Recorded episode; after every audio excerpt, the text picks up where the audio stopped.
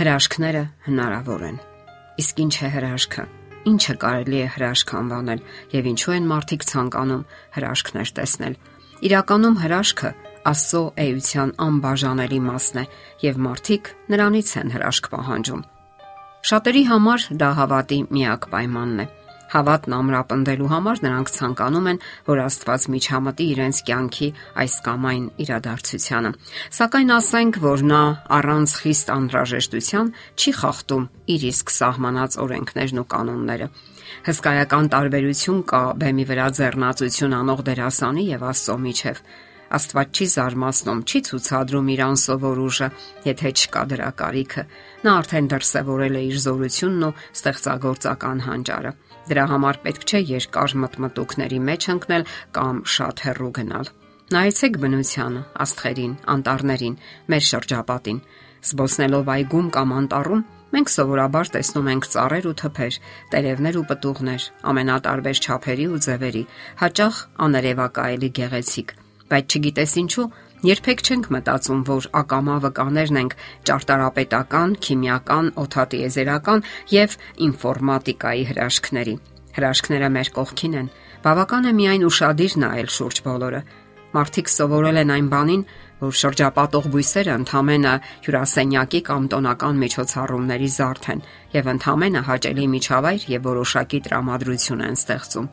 բայց մտածում ենք արդյոք, թե ինչպիսի բարդ գործընթացներ են ապահովում բույսերի շրջվելը դեպի լույսի աղբյուրը։ Մենք դա այնքան բնական ենք ընդունում, կարծես հենց այդպես էլ պետք է լիներ բայց ինչպես են դրանք կարողանում էներգիայի վերածել լույսը։ Ասենք որ այդ տեխնոլոգիան գերազանցում է գիտության նվաճումները։ Արդյոք զարմանահրաշ փաստ չէ, օրինակ, որ մթության մեջ գտնվող բույսը լուսային ազդակին արձագանքում է ընդամենը վարկյանի 500-րդ մասի տևողությամբ։ Բույսերը փայլուն կերպով լուծել են այն էներգետիկ խնդիրը, որի վրա այսօր գլուխ է ջարդում արդյունաբերական աշխարհը։ Նրանք արդյունավետ օգտագործում են էներգիան առանց վտանգավոր թափոնների, եւ այն էլ արդեն քանի հազար տարի։ Այդ թափոնները չեն կեղտոտում շրջակա միջավայրը, այլ ընկնելով հողի մեջ ճեղքվում են տարրերի եւ նորից սնունդ դառնում բույսերի համար։ Եվ այդ հստակ հավասարակշռված համակարգը կարող է գոյություն ունենալ հավերժ։ Ահա թե ինչու Դավիթ Թագավորը Աստծո մասին գրում է. Նա իր վերնատներից ջուր է խմեցնում լեռներին, Քո գործերի պտուղներով կշտացնում ես երկիրը։ Խոտ է բուսցնում անասունների համար եւ բանջար մարդու օքուտի համար եւ հաց է հանում հողից։ Դավիթը բնության հրաշքների մեջ տեսնում էր իմաստուն արարչի ձեռքի գործերը։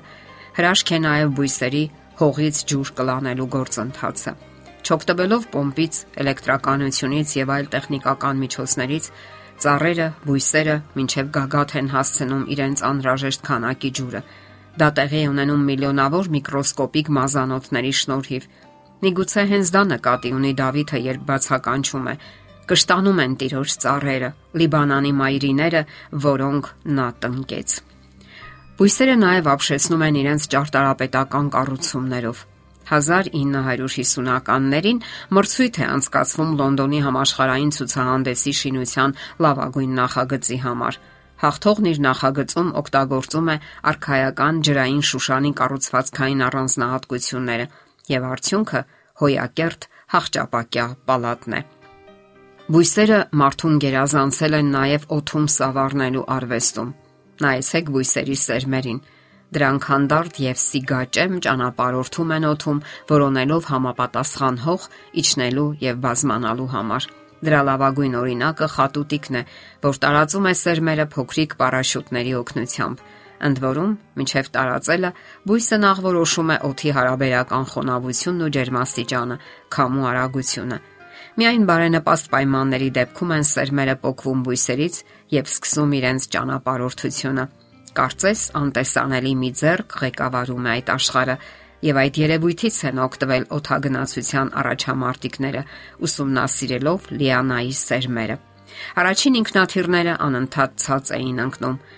իսկ ահա նուրբ սերմերը շատ ամուր են եւ հանդարտ սահում են օթում Սերմերը զարմացնում են նաև իրենց մեջ պարունակվող հսկայական քանակի տեղեկատվությամբ։ Յուրաքանչյուր սերմ ունի ապագա բույսի բոլոր բնորոշիչները, արտաքին տեսք, վարք, չափ, ձև, գույն, հակազդեցությունը շոքին, ցրտին, լույսին ու խավարին, քամուն եւ այլն։ Այդ բոլորը ծրագրավորվում է սերմի մեջ։ Ավելացրեք նաև տերևների, բողբոշների, ծաղիկների, արմատի, պտուղների, ճյուղերի ողջ բնորոշիչները եւ պատկերը པարս կլինի։ Այս բոլորը ծրագրավորելու համար կպահանջվեր միլիոնավոր թվային ծածկագրեր։ Հարցյոք սա չի ապացուցում արարչի անսահման իմաստությունն ու նրա կատարած հրաշքները։ Այո, նա կարողանում է լուծել հազարավոր բարդ խնդիրներ, նրա զորությանն է ենթարկվում ամեն ինչ։ Ահա թե ինչու մենք կարող ենք ամբողջովին ապավինել նրան, ում համար անհնար ոչինչ չկա։ Նրան հայտնի են մեր հոգում կուտակված ցավերն ու տառապանքները, ոչինչ չի վրիպում նրա աչքից եւ նա պատրաստ է օգնության հասնել։ Դավիթը գրում է. Նա բժշկում է կոտրված սիրտ ունեցողներին եւ փաթաթում է նրանց խոցերը եւ մենք կարող ենք վստահորեն ապավինել նրան, ով ստեղծել է արխայական ջրային Շուշանը, բնության հազարավոր հրաշքները։ Այդ բոլորի մեծ ճարտարապետը մեր հուսալի հենարանն է կյանքի դժվար պահերին։ Նա ընդունակ է վերականգնելու մեզ իր հանճարեղ մտահղացումներով, ընդունակ է բժշկելու մեր ամենատարբեր հիվանդություններն ու տկարությունները։ Իսկ այդպիսի հրաշքների օրինակներ բազմաթիվ են, թե Աստվածաշնչյան ժամանակներում եւ թե մեր ժամանակներում։ Եկեք վստահենք նրան, ով այս երկրի, այս տիեզերքի բոլոր հրաշքների հեղինակն է եւ արարիչը։ Եթերում է ղողանջ հավերժության հաղորդաշարը։